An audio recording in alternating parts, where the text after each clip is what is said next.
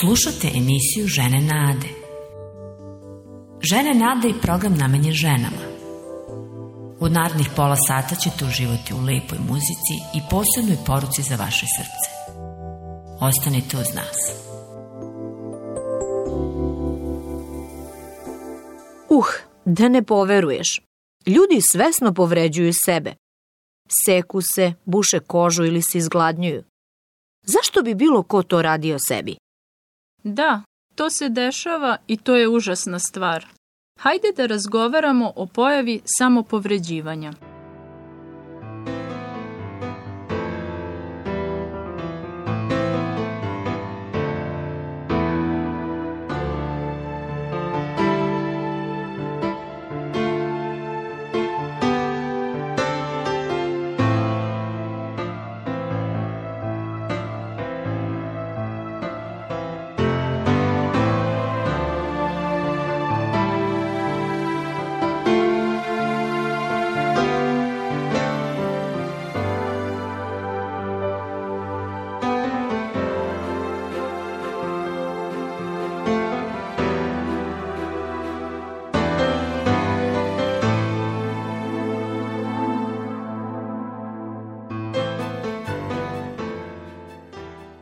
Pozdrav! Dobrodošli u emisiju Žene Nade.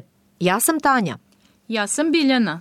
Nadam se da ste imale dobar dan i da je sada pred nama kvalitetno vreme. Međutim, pred nama je i ne baš laka tema, samo povređivanje. Pokušat ćemo sada da razumemo zašto ljudi to rade sebi. Da, većina nas ne razume zašto bi neko sebe svesno i namerno povređivao. Ali tokom rada sam srela stotine njih koji baš to čine sebi. Mnogi od njih koji su devojke i žene. I kada ih pitam za razlog, čujem mnogo, mnogo toga. Evo nekih odgovora. Na ovaj način se oslobađam unutrašnjeg bola, onog osjećanja koje ne mogu da iskažem rečima. Ili, ja tako kontrolišem svoje telo, pošto ništa drugo ne mogu da kontrolišem u životu. U školi me maltretiraju, a kod kuće me zlostavljaju. Jedinu moć osjećam kada sečem sebe. Ili, ja uglavnom ništa ne osjećam, kao da nisam živa. Zato mi je bolje i da me boli nego da sam tupa, bez osjećaja. Nakon samopovređivanja osjećam olakšanje i za neko vreme nisam anksiozna. Ili osjećam da sam jako, jako loša osoba i da zaslužujem kaznu. Sečenjem iz sebe izbacujem zlobu. Ponekad čujem glasove koji mi govore da povredim sebe, pa i da se ubijem, i ne stišavaju se sve dok sebi ne nanesem bol. Razumemo li mi ove mlade žene? Sve osjećaju te užase, bes, prazninu, krivicu, tugu i strah. Sve mrze sebe. Često ih i drugi povređuju ili su činili to dok su bili deca. Zato im nova bol daje osjećanje poboljšanja, ali samo na kratko. Bol se vraća. O, kako mi ih je žao. Ovo zvuči kao užasan način života. Da li to one rade da bi zadobile pažnju? Ponekad žele da ih porodica čuje i vidi, ili lekari, koliko su stvari sa njima loše. Ali većina onih koji sebe povređuju čine to u tajnosti, pa su zbog toga jako usamljeni, osjećaju se bezvredno i zarobljeno. Zar stvarno žele da umru? Ponekad su suicidni, ali samopovređivanje im je često način na koji se bore sa svojom mukom, ne način prekraćivanja života. Razmišljam i o drugim vidovima samopovređivanja, koji možda nisu toliko okrenuti direktnom napadu na telo. Mislim na različite oblike ponašanja, opijanje, drogiranje, seks bez zaštite. Sve to ljudima daje na neko vreme osjećanje života, ali nakon toga im je još teže. Da, baš je tako. Možda neko koga poznajemo baš na ove načine povređuje sebe. I šta da uradimo ako posumnjamo da nam neko blizak, prijatelj ili rođeno dete sve to čini? Sećam se devojke koja je i po najvrelijem letnjem danu nosila duge rukave. Ispostavilo se da se samo povređuje, da potom skida kraste kako i rane ne bi zarasle. Jedva da je bilo šta jela i bila je jako mršava. Možda primećujete da neku porodici češće pere svoju odeću, da u sobi negde drži neko sečivo nož. Mladi često počinju da slušaju mračnu, tešku, depresivnu muziku koja govori o smrti, nasilju i često to slušaju u samoći. Dakle, ako primetimo znakove samopovređivanja, ne gubimo nadu, ne kažnjavajmo te osobe i ne krivimo ih. Pokažimo im ljubav.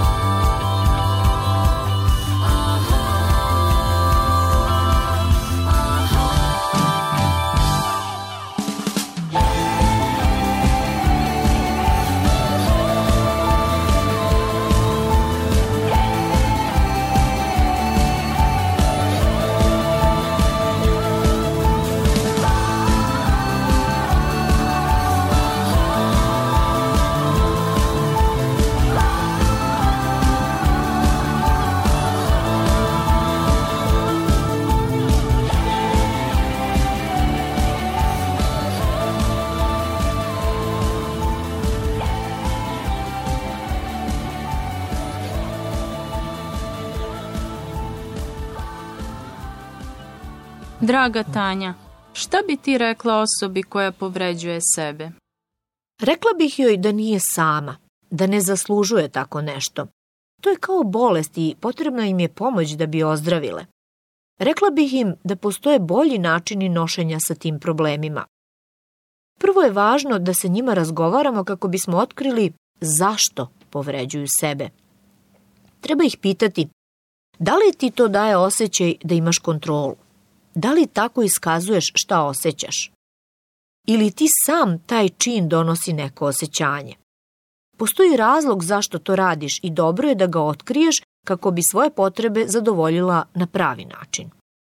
Ali one bi mogle da pitaju, ako mi je zbog toga lakše, zašto bih prestala sa tim?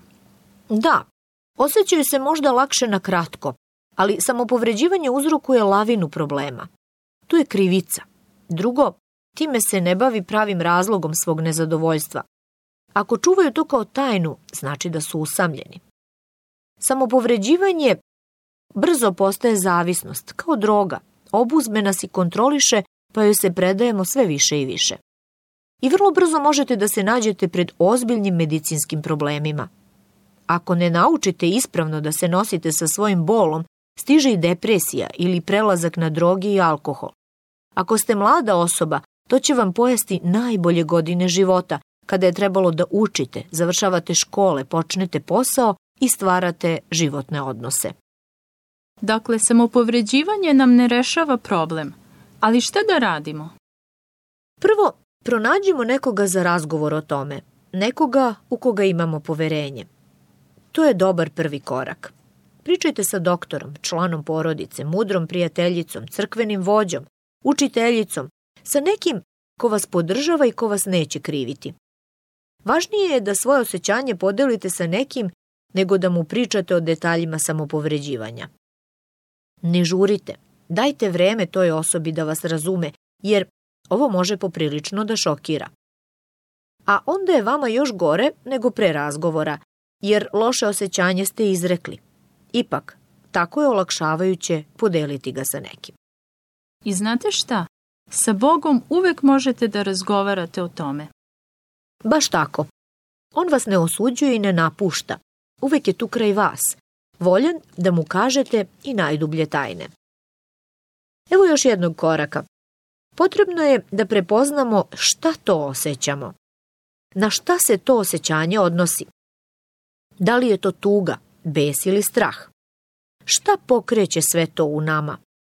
Biće teže iskazati sve to i pozabaviti se, nego ih otupiti ili iskazati. Ali osjećanja se vrate baš onako kako i odu. Ne možemo da ih pobedimo, ali možemo da ih razumemo. Šta se prvo dešava u vašem telu kada dođe do nemira? Naučite da osluškujete svoje telo.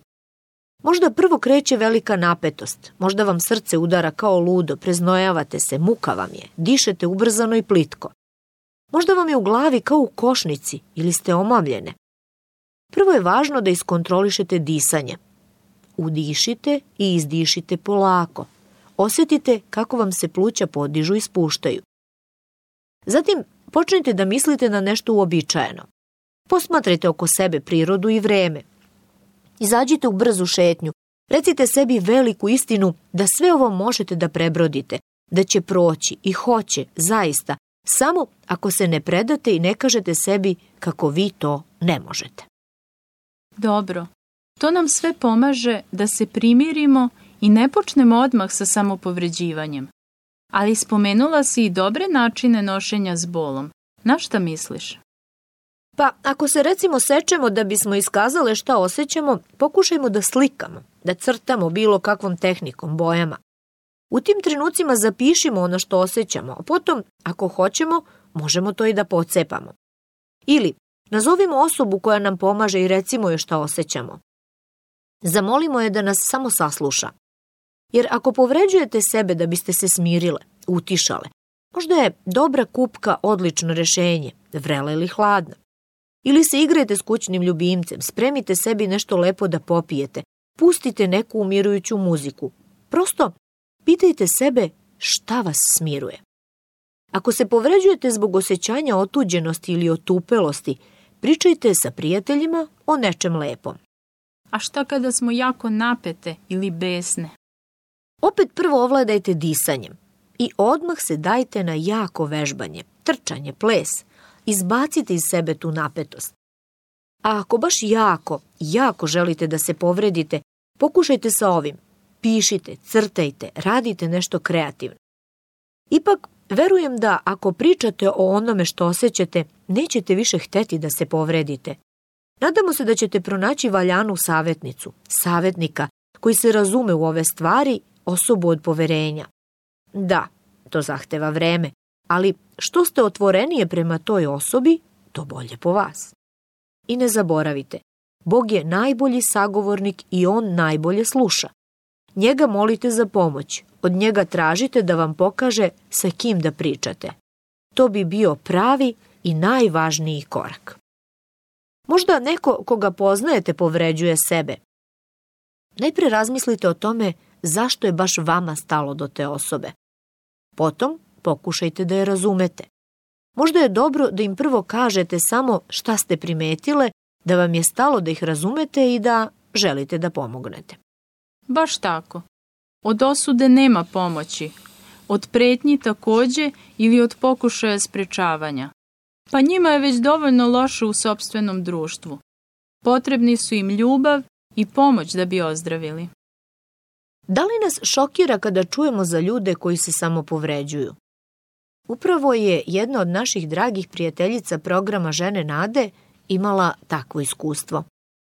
Sonja se odvažila da nam ispriča svoju priču. Evo šta je napisala.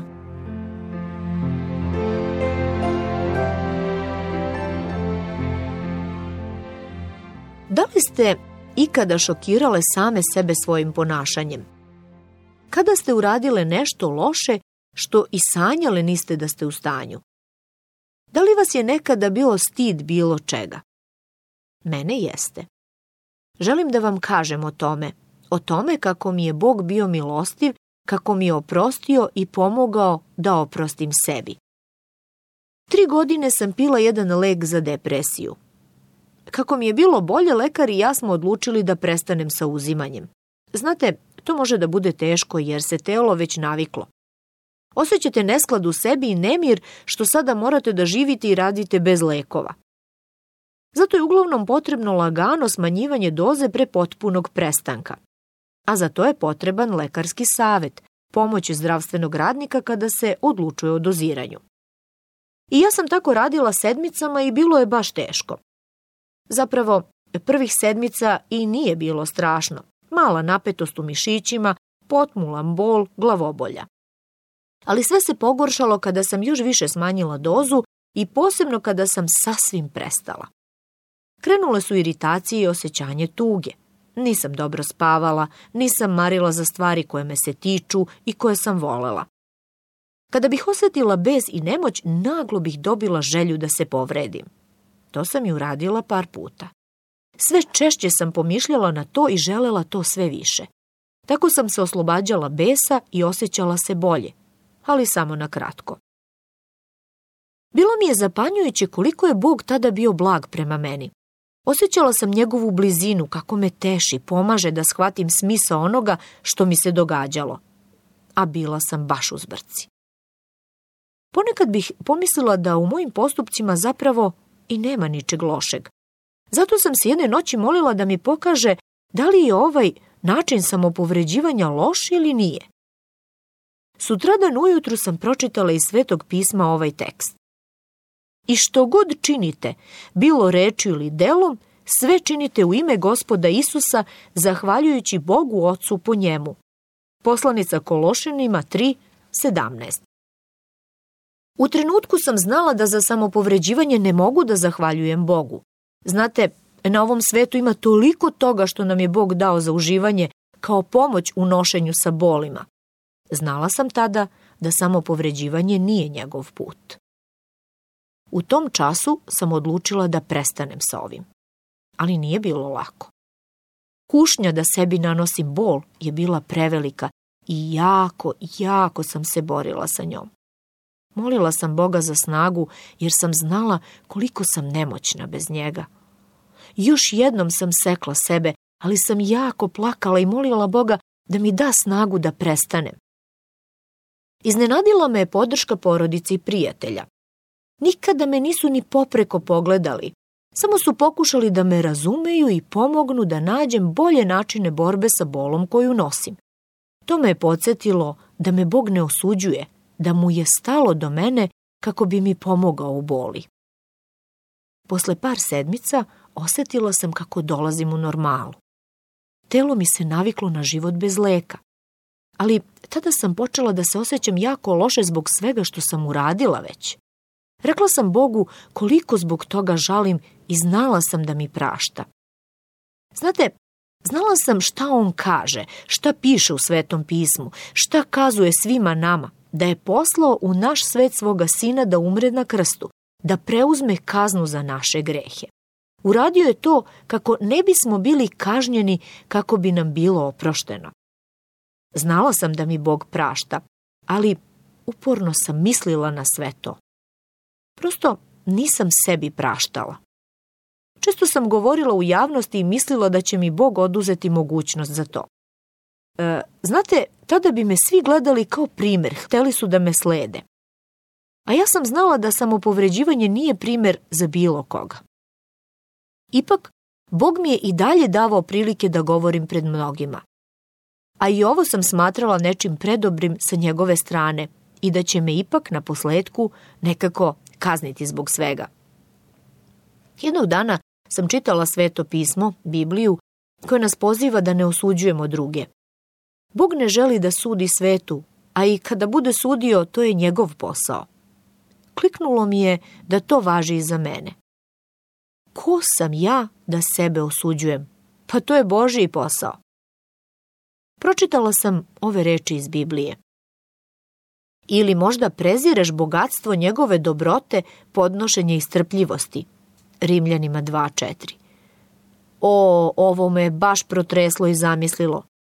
Pa naravno, Boži je pravo da prema meni bude dobar i strpljiv, šta god ja mislila da treba da radi. Pa on mi je oprašta. To je bilo potrebno da prihvatim. I tada sam osetila kako sva sramota iz mene nestaje, kako praštam sebi. Nije mi bilo lako kasnije. To se osjećanje vratilo. Da li ste se i vi osetile isto? Nešto pustite, oprostite nekome, sebi ili prepustite Bogu nešto na brigu, neki teret, ali uskoro se opet mučite sa svim tim. Mislim da u ovome svi imamo nevolje. Mučila me je tamo u srcu, stvari koje nisam razumela u sebi. A onda me je Bog podsjetio na to da me je promenio. Dao mi je novo srce, da sam mu sve sličnija.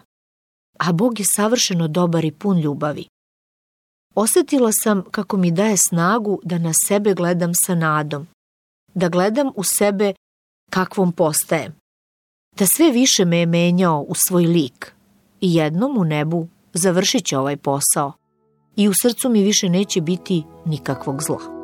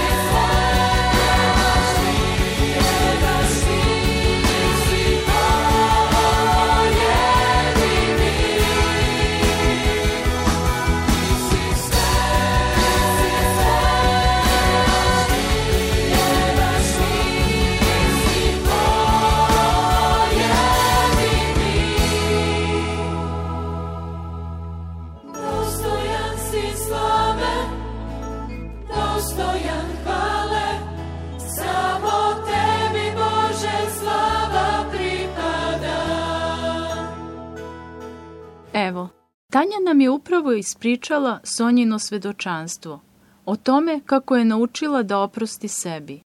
I to je važno za sve nas. Naučimo se iz svojih grešaka, ali se ne kažnjavajmo ako nam je Bog već oprostio.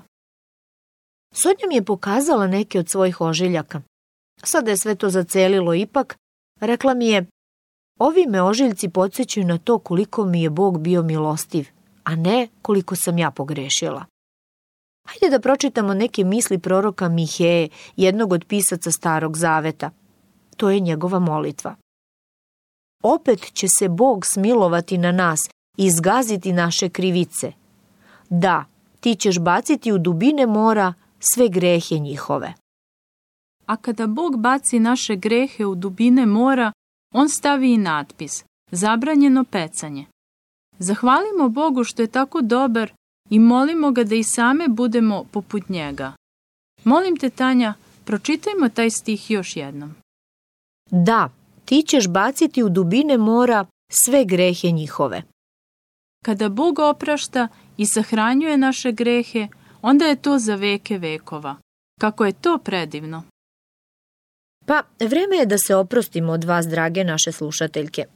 Možda biste volele da i vi sa nama podelite nešto ovako iz svog života, neku vašu priču. Rado bismo naučile nešto od vas. Javite nam se na telefon 062 396 331 ili nam pišite na adresu Žene Nade, Poštanski fah 37, 11060 Beograd ili na mail adresu ženenade.gmail.com Do slušanja i neka vas Bog sve blagoslovi, drage naše.